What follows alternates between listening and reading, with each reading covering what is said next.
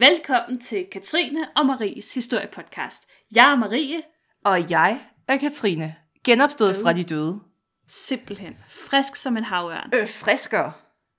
Der er ikke noget som sådan en, en god udrensning gør ved ens krop. Nej. Se, min krop blev sommerklar. Jamen, det er smukt. Jeg har ikke været så tynd siden gymnasiet.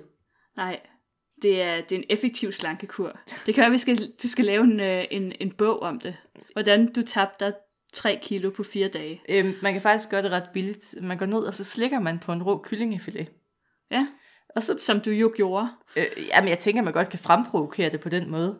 Ja, Altså, vi skal også tænke i convenience i forhold til at tabe sig. det er klart. Så man køber, altså kylling er jo nøglen til at tabe sig, hvid protein, men rå, mm. så slikker du lige på den, Ja.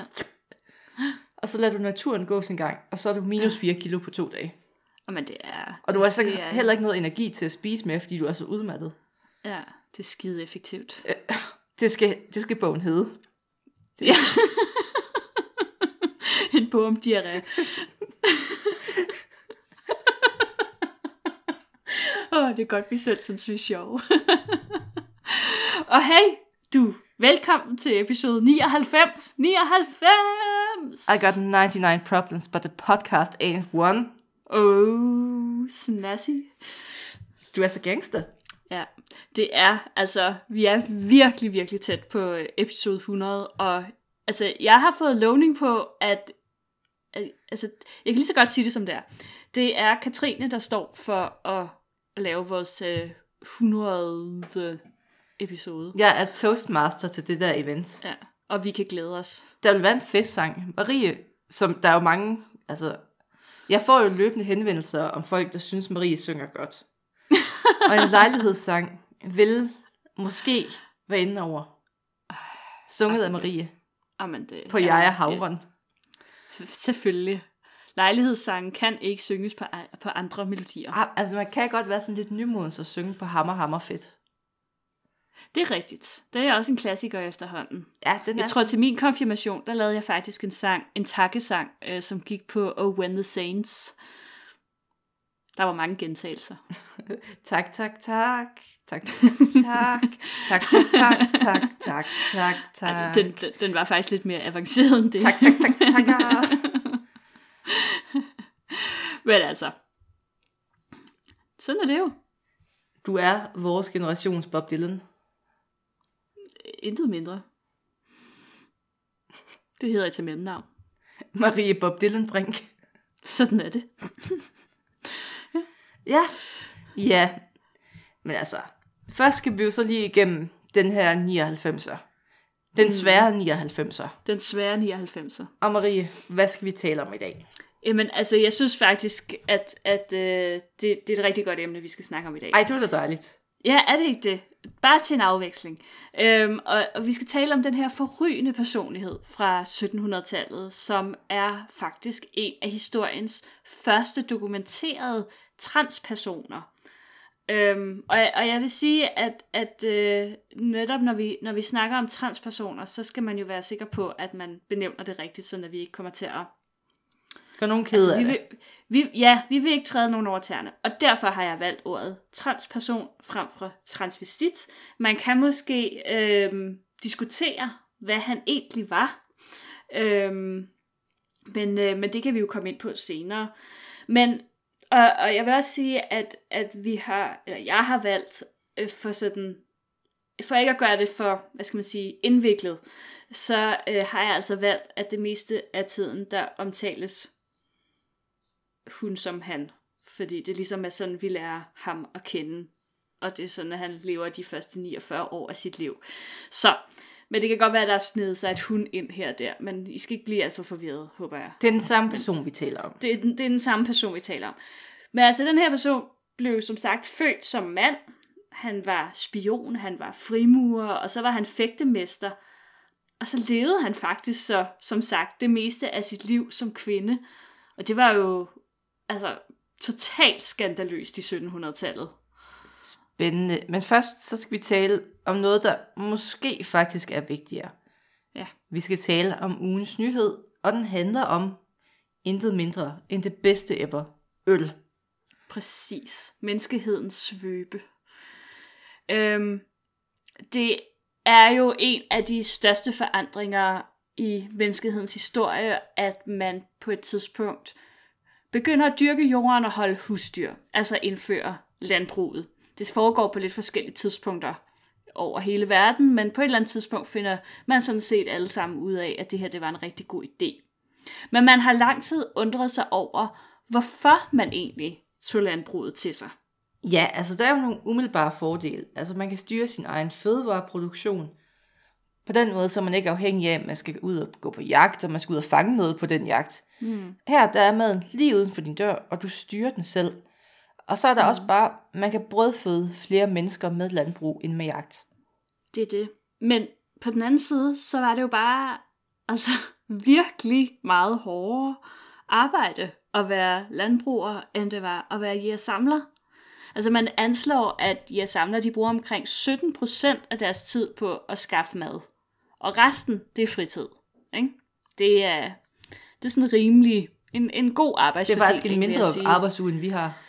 Ja, det er ret utroligt. Og altså, det kan jo overhovedet ikke måle sig med arbejdsindsatsen for en bonde, der både skal pløje og så og høste og bearbejde sine afgrøder, og, og i øvrigt jo også samtidig med pas, øh, passe sine husdyr og øh, efterarbejde deres øh, produkter osv. Og, og som bonde, så er du jo til med fuldstændig afhængig af vejret. Det er du jo sådan set heller ikke som samler.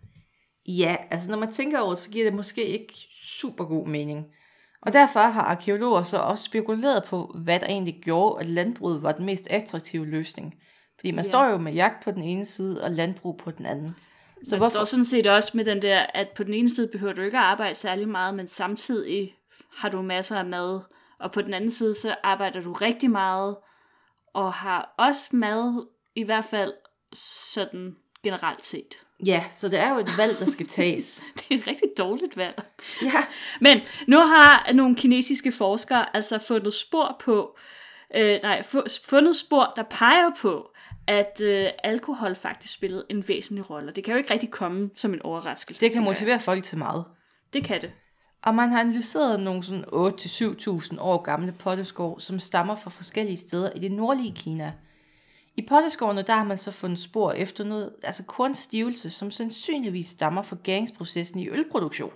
Aha! Ah, og altså, det giver jo mening, kan man sige, fordi landbruget har jo nok været meget lettere at sælge over for her samlerne over store mængder øl, tænker jeg. Jamen, det var jo også noget, man ikke kunne få fra en hjort.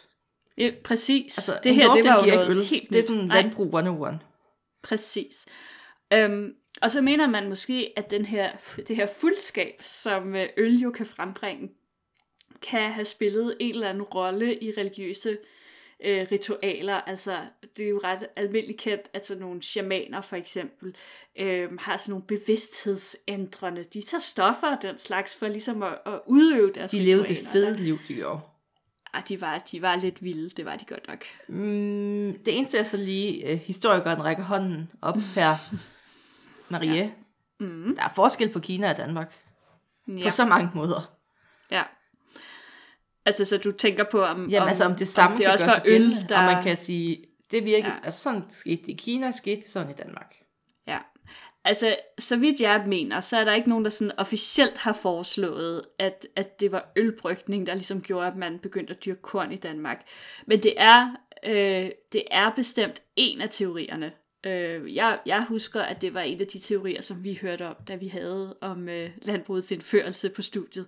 Øh, og, øh, og det hænger også meget godt sammen med, at faktisk de allertidligste øh, kornarter, man har i Danmark, det er byg. Øh, og byg er jo en, en rigtig god ølingrediens, kan man sige. Øh, og så tænker man, man har jo som, øh, som jeg samler, der har man jo også været ude og, og se sig omkring. Man er måske kommet til det nordlige Tyskland.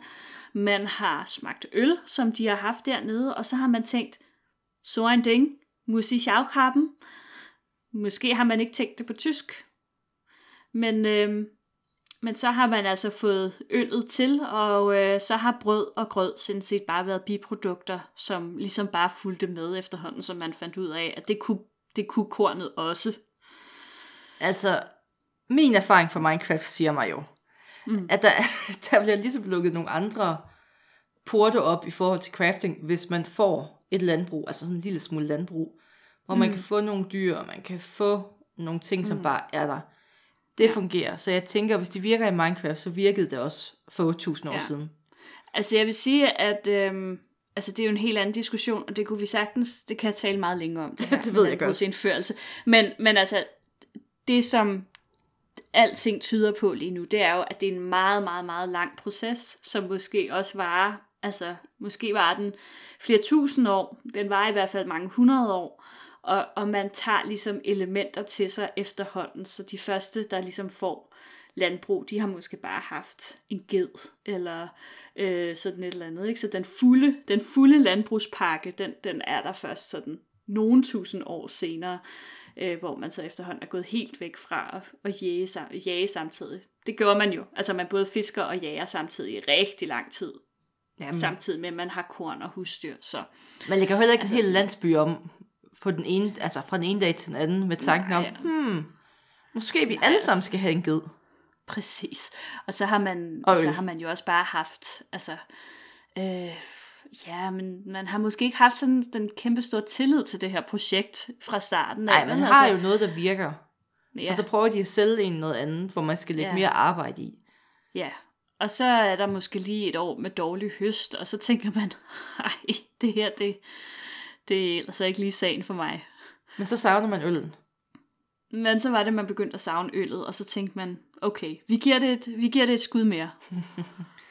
og så hang man på den. Og med de ord, now ja. to something completely different. Ja. Vi skal nemlig til 1700-tallets Frankrig. Nu kolder jeg dig af, Marie, inden det går helt galt. Mm. Og vi skal nærmere, vi har faktisk en fast dato den for en gang skyld. Ja. Vi står ned den 5. oktober i 1728.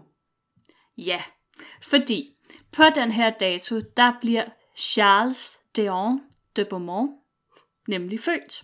Hans fulde navn er intet mindre end. Charles Charles Geneviève Louis Auguste André Timothy Deon de Beaumont. Og ja, det er med bindestreg mellem alle de skønne herrenavne.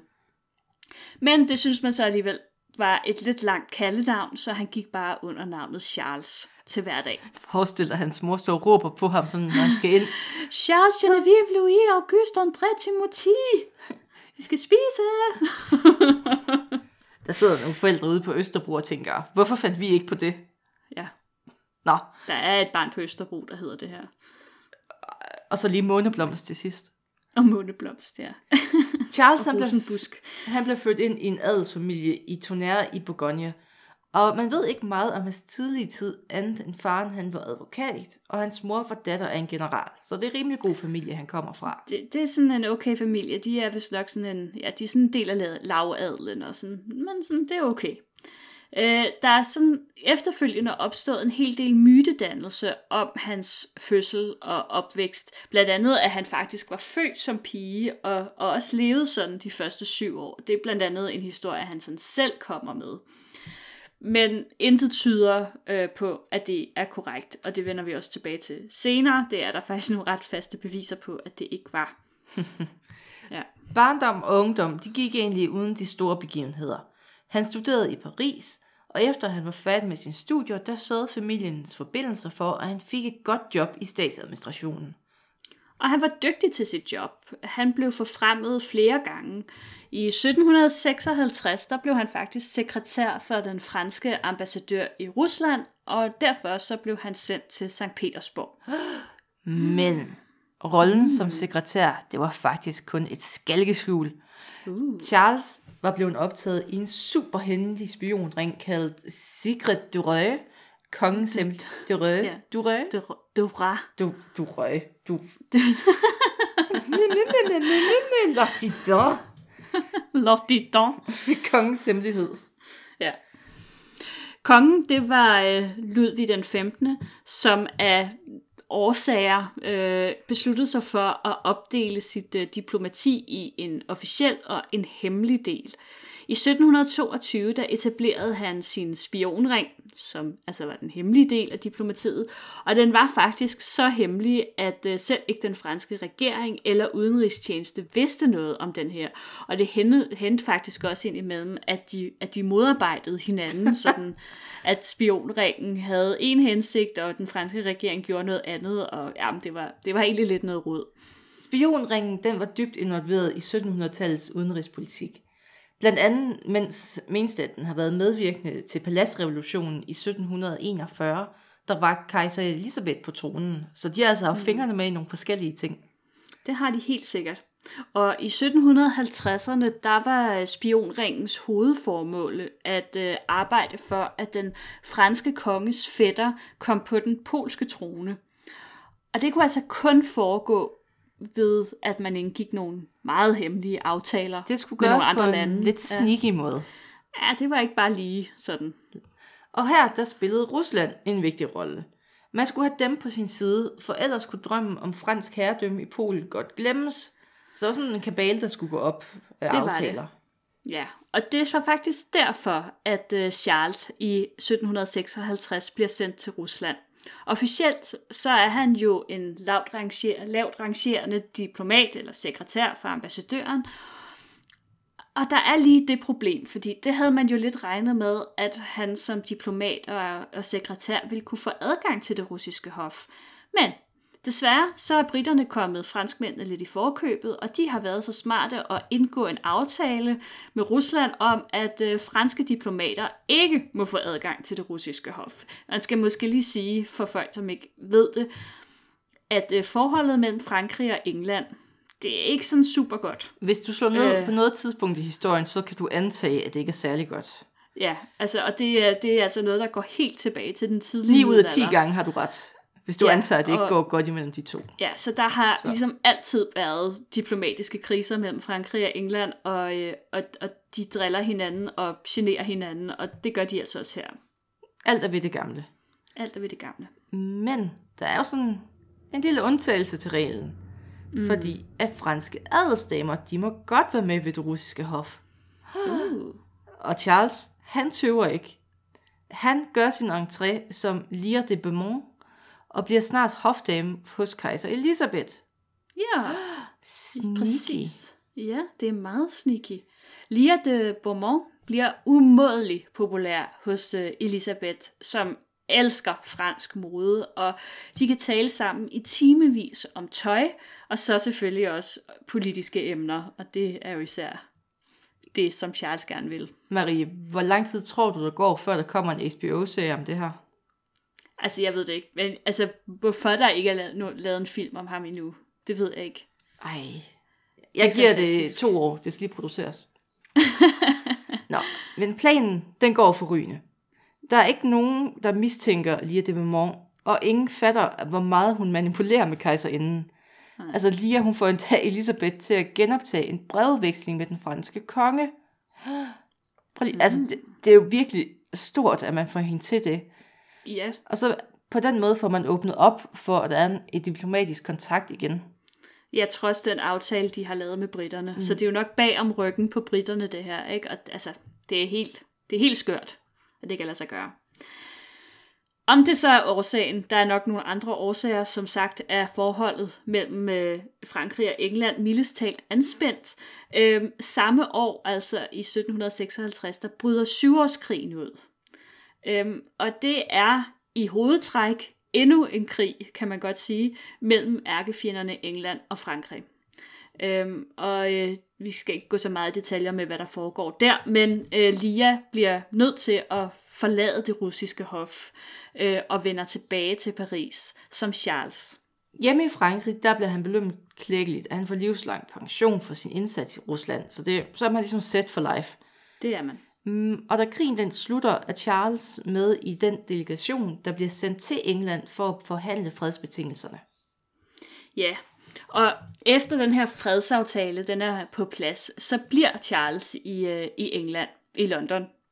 Øh, og han øh, fungerer som, øh, som midlertidig ambassadør derovre, fordi den gamle, han er jo ligesom blevet smidt hjem i forbindelse med krigen, og så venter man jo på, at der kommer en ny. Men der har man så Charles. Og det var jo meningen, som sagt, at han så skulle rejse hjem, når den nye franske ambassadør kom til London. Men det kom ikke lige til at ske. Nej, fordi at han havde fået en ny mission for sin spionring. Mm. Og altså, det var simpelthen, altså det her, det var en cover story. Ja. Fordi at han skulle nu gøre England klar til en invasion. Fordi at franskmændene, de var simpelthen, ved hvad, skal vi ikke prøve ja. at besætte England? Ja. Det har vi da ikke er prøvet før. gået- Nej, og det er jo, altså, Der er det ingen historisk præcedens for, at det kunne gå dårligt, det her. Nej, altså jeg vil sige, der er jo ikke nogen krige, hvor at... Øh, ej, det er gået sådan lidt 50-50 i virkeligheden, i de krige, de har haft med England, men jeg tror ikke, at de som sådan har invaderet England før i hvert fald. Øhm, men altså, det var nok ikke sådan det, den bedste plan, og det var et ret klodset initiativ fra den franske konge, som i øvrigt også handlede fuldstændig på egen hånd og udenom den franske regering. Øhm, så man, man kunne nok... Øhm, det var nok ikke skide smart, altså, øh, og planen blev da heller, heldigvis heller ikke til noget. Det kunne have været kønt. Ej, ja. Ja. Og efter en tid i London, der begynder det hele også at smuldre lidt for Charles. Charles, mm. eller Charles hedder han det nu, hvor vi, han er i England. Ja, men altså... Jeg er sådan lidt, jeg er blevet Ja. Charles eller Charles. Charles, Charles, ja. Når han er i England, må jeg godt kalde ham Charles. Whatever you feel for. Ja. Og det var fordi, han var en mand, der havde dyre vaner. Han elskede altså god vin, og hvem kan fortænke ham i det? Og dyr Præcis. mad, og utrolig meget dyrt tøj. Altså, Ja, tre laster, der koster penge. det var... Øh, ja. Den franske regering, som øh, finansierede ham, de var ved at blive sådan temmelig trætte af, af det her overforbrug, fordi efter, efter syvårskrigen, så manglede de sådan i forvejen penge, og, og Charles var jo ikke engang sådan den rigtige ambassadør, han var jo bare en vikar, så de synes måske nok, han var sådan lige overkanten i forhold til, til budgettet, ikke? Så derfor i 1763, der sender Frankrig den rigtige ambassadør til London. Og den rigtige ambassadør, hold da op. Altså, Ja. han havde ingen diplomatisk erfaring, han var ikke særlig vældig, og han var egentlig ikke det, man ville kalde kompetent. Og Mm. Charles, hvad gør vi med ham? Han blev degraderet til sekretær. Ja, Så fedt. Og super fedt. Altså, der fulgte ret mange sådan akavede situationer, efter den her nye situation var opstået. Fordi officielt så stod Charles jo under den nye ambassadør. Men som spion i, øh, i den super hemmelige spionring, der stod han jo faktisk over ham.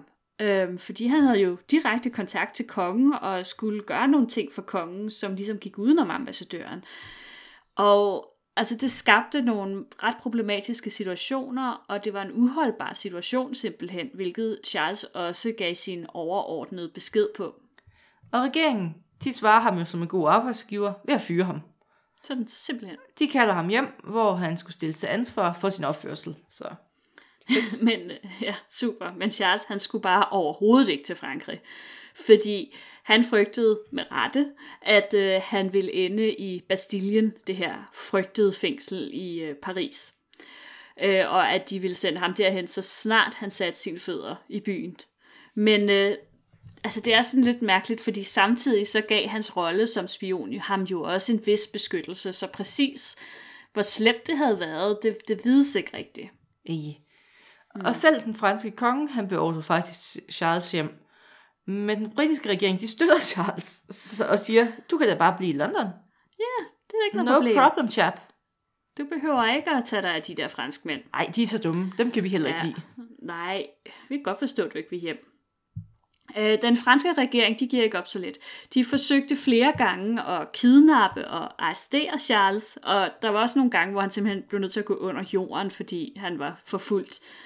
Øhm, som modsvar, han, han, har altså, han har en vis ryggrad, det må man sige, fordi som, som modsvar, så truer han så sine øh, overordnede med, at han vil afsløre al sin viden fra spionringen, øh, hvis ikke de stopper med at forfølge ham. Og, Mm. jamen altså, han er jo... Det er, det er ret vildt, det her. Ja. Og i marts 1764, der kan man sige, der affyrer han et metaforisk advarselsskud, ja. hvor, fordi han udgiver en, su, altså en skandaløs bog, og der indeholder en del af hans diplomatiske korrespondence. Det er altså dog stadig den ufarlige del, men han er jo sådan i vist, at han er jo ikke bange for at publicere det, han har lavet. Nej, nej. Altså, han, han giver lige sådan se, altså det her, det var bare den ufarlige del af Det her, det er Men jeg er ikke bange af- for at, øh, at give det hele væk, ikke? Og effekten, må man sige, den var enorm. Indtil nu, der havde Charles sådan set spillet en mindre rolle i det politiske miljø, men nu blev han en fuldstændig central figur. Og, og så blev han derudover også bare en kæmpe berømthed. Aviserne skrev om ham, folk snakkede om ham på gaderne, på caféerne og over middagsbordene. Men det virkede, fordi Ja. han jo åbenlyst gjort sig til fjenden af den franske regering. Men måske var det hele faktisk en del af en større plan. Fordi han var nu en endnu mere værdifuld spion, fordi nu har han fået adgang til de inderste dele af det britiske samfund. Fordi at man tænker da ikke, at ham, der lige har sagt, uh, dumme Frankrig, han stadig godt kunne arbejde for Frankrig. Det er jo lidt det. At, Det- at altså, altså- det der med, at øh, din, din, altså det med, at, at nu, han, nu, nu tror britterne, at de har en fælles fjende i Frankrig, så de inviterer ham ligesom ind og indviger ham i nogle, i nogle planer og hemmeligheder, som han jo så i princippet bare kan give videre til den franske konge. Der er jo også det, at i al emmelighed, så øh, modtager Charles faktisk en meget, meget stor sum penge fra den franske konge. Og der er nogle steder, hvor det er beskrevet, at det simpelthen er betaling for hans tavshed, øhm, mens andre skriver, at det var belønning for hans indsats i den her periode, hvor han jo virkelig, i virkeligheden sætter sig selv øhm, i skudlinjen, kan man sige, og øh, som, en, som en god spion Uh-huh. og, øh, og så øh, våger det hele. Men øh, ja, ingen ved det rigtigt. Det er jo det, som er sådan lidt med de der spioner. Man kan aldrig være helt sikker på, hvor man har dem henne, og hvad der nu er øh, virkelighed, og hvad der bare er et spil for galleriet. Ikke? Og det er det, der gør dem så spændende. Oh, det er jo det, det er jo det. det er ligesom koldkrigsspioner, det her. Det er Ja. næsten lige så godt. Jamen, det er fantastisk. Men altså, Charles han bliver i London, og han fortsætter også med at spionere for den franske konge. Så, så noget tyder på, at det nok i højere grad er, er betaling for hans indsats, snarere end, øh, end ja, bestikkelse, kan man sige. I 1774, der døde Ludvig den 5., og hans søn Ludvig den 16. overtog magten. Mm. Han opløste spionringen, og han ville ikke invadere England, så allerede var han kedeligere end sin far. og Charles, han står nu i en træls situation, for at sige det på jysk, fordi Ja, at han er blevet et problem nu. ja, For han var jo en del af alt det her. ja. Altså, han, øh, han er jo en del af det gamle regime, kan man sige. Og det gamle regime er ikke populært længere. Øhm, Ludvig den 16. er jo så i øvrigt ham, som, øh, som ender på øh, skafottet under den franske revolution. Så altså, jeg tror i virkeligheden, at, at for Charles er det jo også lidt et spørgsmål om pest eller kolera, ikke? Altså, det, det er heller ikke, fordi den nye konge er skide populær. Øhm, men, øhm, men altså, der er et nyt politisk miljø hjemme i Frankrig, og øh, i 1775, der begynder man forhandlinger med Charles om, at han kan vende tilbage til Frankrig. Den øh, franske regering er naturligvis interesseret i at få udleveret alle de papirer, som Charles han er i besiddelse af, og som er hemmelige optegnelser og korrespondencer og alt det her lir, som han jo har samlet sammen i sin spiontid. Men Charles vil på sin side også være sikker på, at han ikke øh, havner i et fængsel, når han kommer tilbage til Frankrig. Det synes jeg, det, det er et retfærdigt krav, synes jeg. Og midt i den her forhandling, der lå Charles en bombe falde. Han var i virkeligheden en kvinde, hvis far havde tvunget ham til at være en mand, og han ville officielt anerkendes som en kvinde. Ja. Og øh, det er så her, hvor at, øh, at, at det netop, øh, hvad hedder det, at det med, at han var født som kvinde, og at hans far så havde tvunget ham til at leve som mand for at få fat på en arv. Men øh, den, den franske regering accepterede sjovt nok den her påstand. Øhm, og de accepterede også at betale for en ny garderobe til Charles, og øh, en del af hans gæld, som var meget stor, og øh, hans pension. Og det var der jo så en grund til. Altså hvorfor de bare ligesom sagde, okay, fair nok, Øh, det gør det bare. no problem. Allerede fra 1770 havde der faktisk været rygter om, at Charles i virkeligheden var en kvinde. Rygterne de gik på, at han, altså han besøgte skrædder og fik kjoler og korsetter. Og bookmakeren, de satte faktisk et vedmål op om hans virkelige køn. Mm. Og til sidst så kunne han ikke forlade sit hus, uden at blive antastet af folk, der forsøger at rive tøjet af ham og vil vide, hvad var han egentlig. Ja, det, det lyder som om, altså folk gik helt amok over det her. Øhm, og til sidst så blev han tilbudt en undersøgelse, som, som ville kunne fastslå, øh, det er jo ret nemt, kan man sige, at fastslå, om man er en mand eller en kvinde. Øhm, men Charles han afviste at få lavet den her undersøgelse, og det hjalp ikke. Altså det hældte faktisk bare endnu mere benzin på bålet. Og i maj 1772, der sendte den franske regering en spion til London for at undersøge sagen. Spionen han vender tilbage til Frankrig og er overbevist om, at Charles var en kvinde forklædt som mand. Ja. Øhm, og som nævnt, så bliver hans køn sådan et ret væsentligt argument i aftalen om hans hjemsendelse til Frankrig. Og en af årsagerne til, at de nok var så, øhm, altså at, at det her det blev en, en så vigtig del, det var netop for at beskytte ham faktisk. Øh, fordi man tænkte, at den franske offentlighed, de kunne bedre tolerere historien om en kvinde, der af patriotiske årsager havde forklædt sig som en mand, øh, end en mand, der bare gik rundt i dametøj. Præcis hvad der rørte sig ind i Charles, det er svært at sige. Mm. Da han ankom hjem til Frankrig, der var han iklædt i en soldatuniform, og det krævede faktisk en kongelig bekendtgørelse at få ham ud af den her uniform. Mm. Og aftalen den indebar, at han skulle klæde sig og opføre sig som en kvinde fra nu af. Ja, så det gik jo ikke. Altså han kunne jo ikke rende rundt i soldatuniform. Nu var han officielt en kvinde, og så måtte han opføre sig og klæde sig som en kvinde. Han kan ikke både blæse og have mel i munden.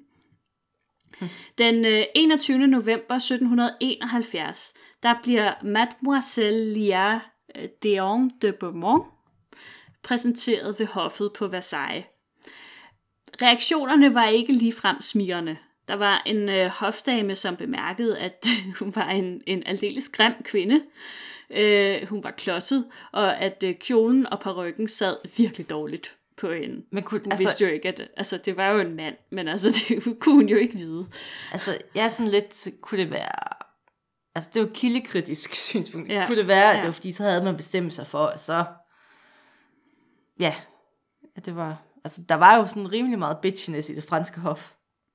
Ja, ja, så. altså, men det kan selvfølgelig også være, fordi jeg vil sige... Altså, den beskrivelse jo... har jeg også hørt om rigtigt, altså sådan nogle, vi vidste var kvinder. Ja, så. Jo, jo, men altså, det kan vi jo aldrig vide.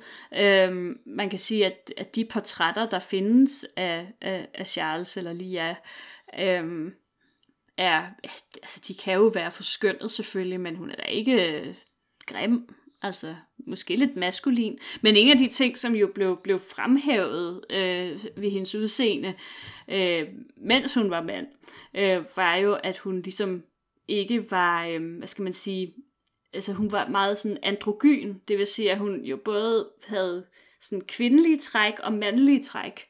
Så når man bare sådan så på ham, hende, så kunne man godt sådan, altså det kunne godt passere for at være begge dele, ikke? Kender godt nogle af de der, hun havde ikke så meget skægvækst. Og til, Jeg tænker på David Bowie.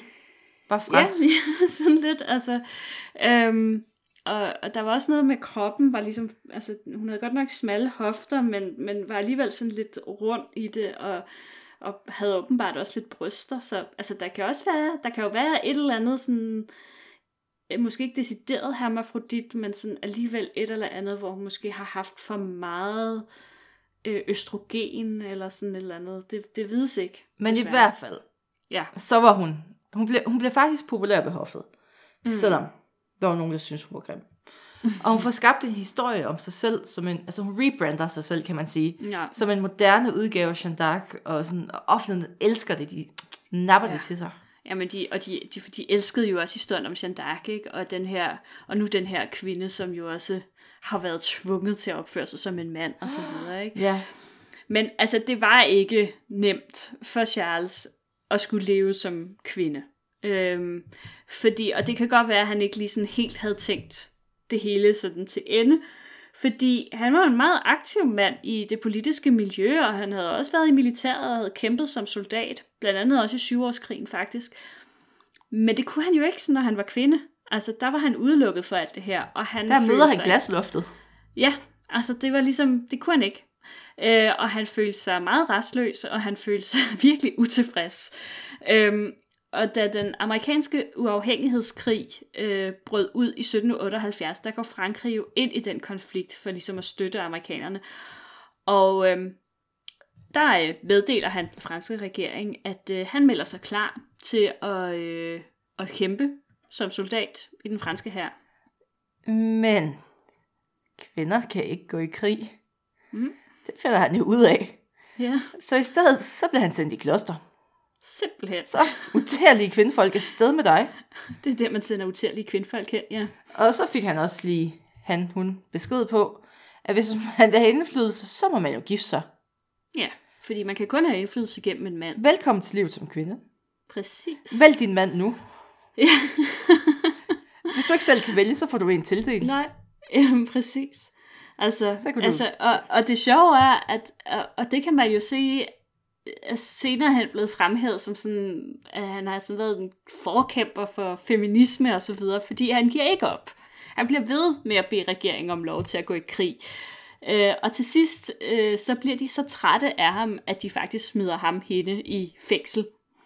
Øh, opholdet det var dog kun i 19 dage, og øh, hun blev løsladt med løftet om at simpelthen tige stille.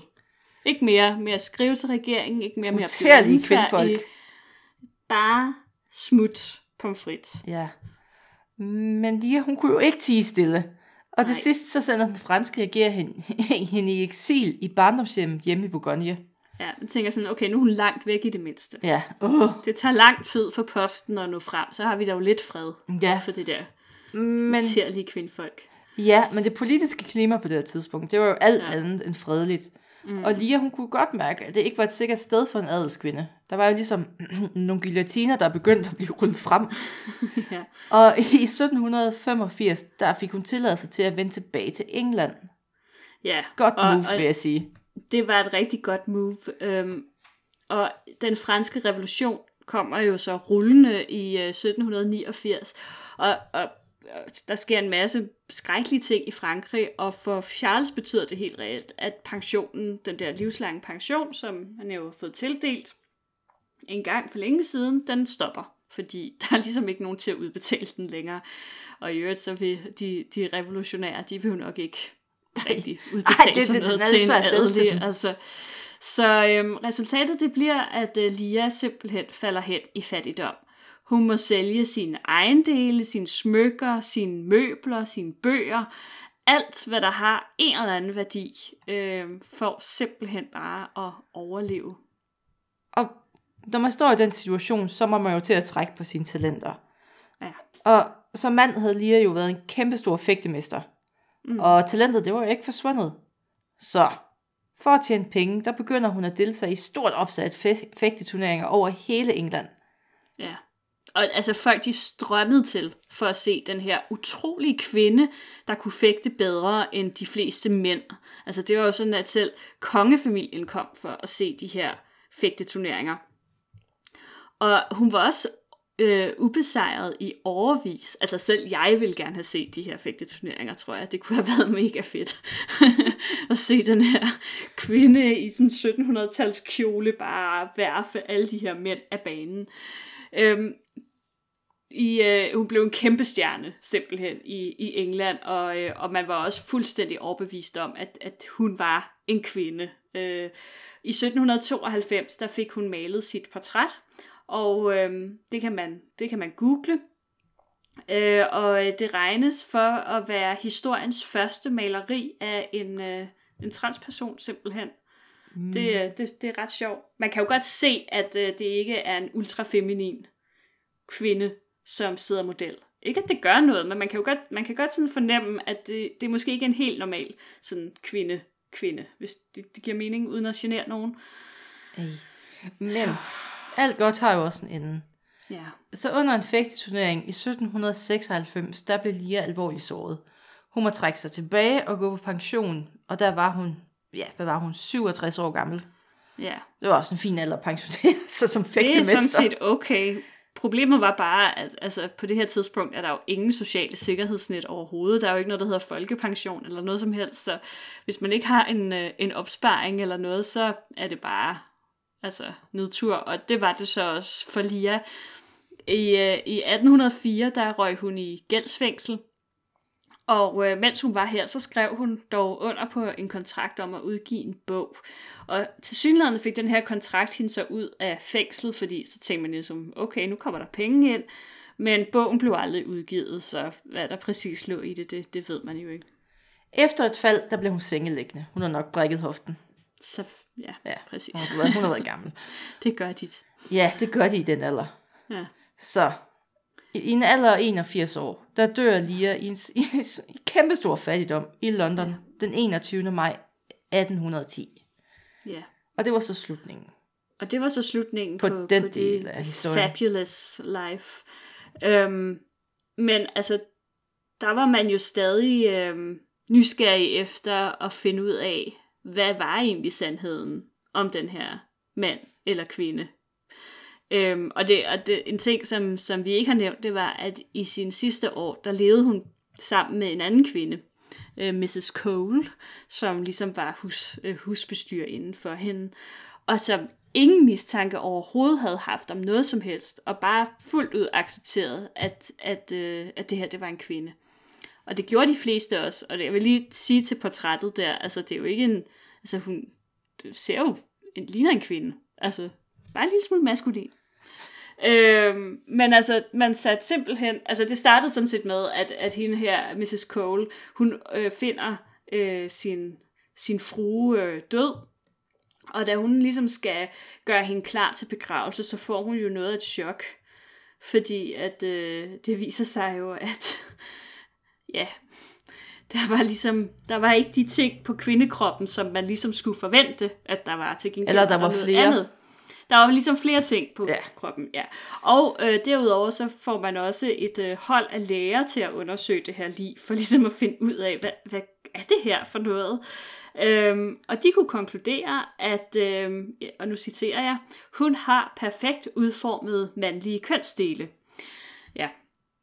Så man kan altså konstatere, at, øh, at øh, Lia øh, eller Charles øh, var øh, biologisk set en mand, som mere eller mindre frivilligt øh, blev øh, til en kvinde, men som jo så tog den rolle på sig og levede som kvinde resten af sit liv Så, fuldt ud. det var historien om en af de første transpersoner, vi rigtig kender. Mm. Han levede som mand i 49 år, og som kvinde de resterende 32 år. Mm. Men Marie, Mm-hmm. du lægger selv op til den her.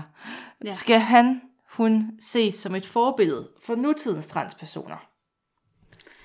Jamen, altså, det er jo igen, det er jo det er lidt svært at sige, ikke? Fordi på den ene side, ja, selvfølgelig. Altså, det her, det er jo et menneske, som lever, som man vil. Altså, uanset hvad samfundet dikterer. På den anden side er det meget svært at sige særlig meget om hans hensigter, eller hans baggrund for at skifte køn. Han var en utrolig kompleks figur, og det var jo især i kraft af hans rolle som spion, der gør, at alt, hvad han gør i sit liv, er meget svært at gennemskue. Det var det, vi snakkede om tidligere. er det bare et spil for galleriet, eller er det virkelig ham og hans sådan, egne øh, idéer, der kommer til, til udtryk her? Ikke? Og man kan sige, allerede i sin egen levetid, der var, han, altså, der var sådan to forskellige holdningsgrupper. Mm. Der var tidlige feminister, The Blue Stockings, der mente, at det var bare fedt det her. Og så var der andre, altså, der mener, at Charles Rostralia brugte sin udklædning til at forføre gifte kvinder. For det er jo det eneste formål, en mand har, der ikke Præcis. er gift. Præcis. Og altså, hvad, hvad egen holdning var til det her, det er jo svært at sige. Ja, han har ligesom ikke sådan rigtig selv øhm, Men altså, man gør bare det, man noget. har lyst til, kan man sige. Og jeg, altså, han ville ikke i Jamen- Bastillen, det kan være, det var noget, han Ja. bare følte sig mere som Lia. Men det, Det kan også være, fordi altså, Lia opstod jo allerede, da han var i, i Rusland. Altså, Det var der, han havde mest altså, succes. Han gik bare tilbage Ja, til ja, hende. præcis. Han havde mest succes som kvinde i virkeligheden. Ikke? Øhm, og, og der er jo også nogen, der, der mener, at det simpelthen har været en modreaktion på det her hypermaskuline miljø, han har bevæget sig rundt i, med, som spion og diplomat osv. Og, og at, han, at det var en eller anden måde at ja, på en eller anden måde trække sig ud af det hele på. Ikke? Øh, og mens han lever i London i første omgang, der samler han også bøger ind om, om feminisme og de her blue stockings og, og alt det her som sådan en tidlig øh, art af feminisme og sådan noget. Øh, men jeg tror der, hvor at, at Charles Dion han bliver vigtig for nutiden, er jo i snakken om, om kønsroller og hvad det egentlig er for noget. Fordi hans filosofi var, og det har han givet udtryk for, at øh, køn, det var ikke væsentligt. Altså det var fuldstændig ligegyldigt, om du var mand eller kvinde. Og han mente, at øh, køn det er øh, flydende, og at man selv bestemmer, hvilket køn man tilhører. Hvornår? Det er ikke noget, hverken samfundet eller din biologi bestemmer. Og det er jo som taget ud af vores moderne øh, kønsdebat, kan man sige, og er jo sådan set også lidt en, en holdning, som man jo et eller andet sted kun kan, kan tilslutte sig. Ikke? Og med de ord, tak fordi I lyttede med. thank you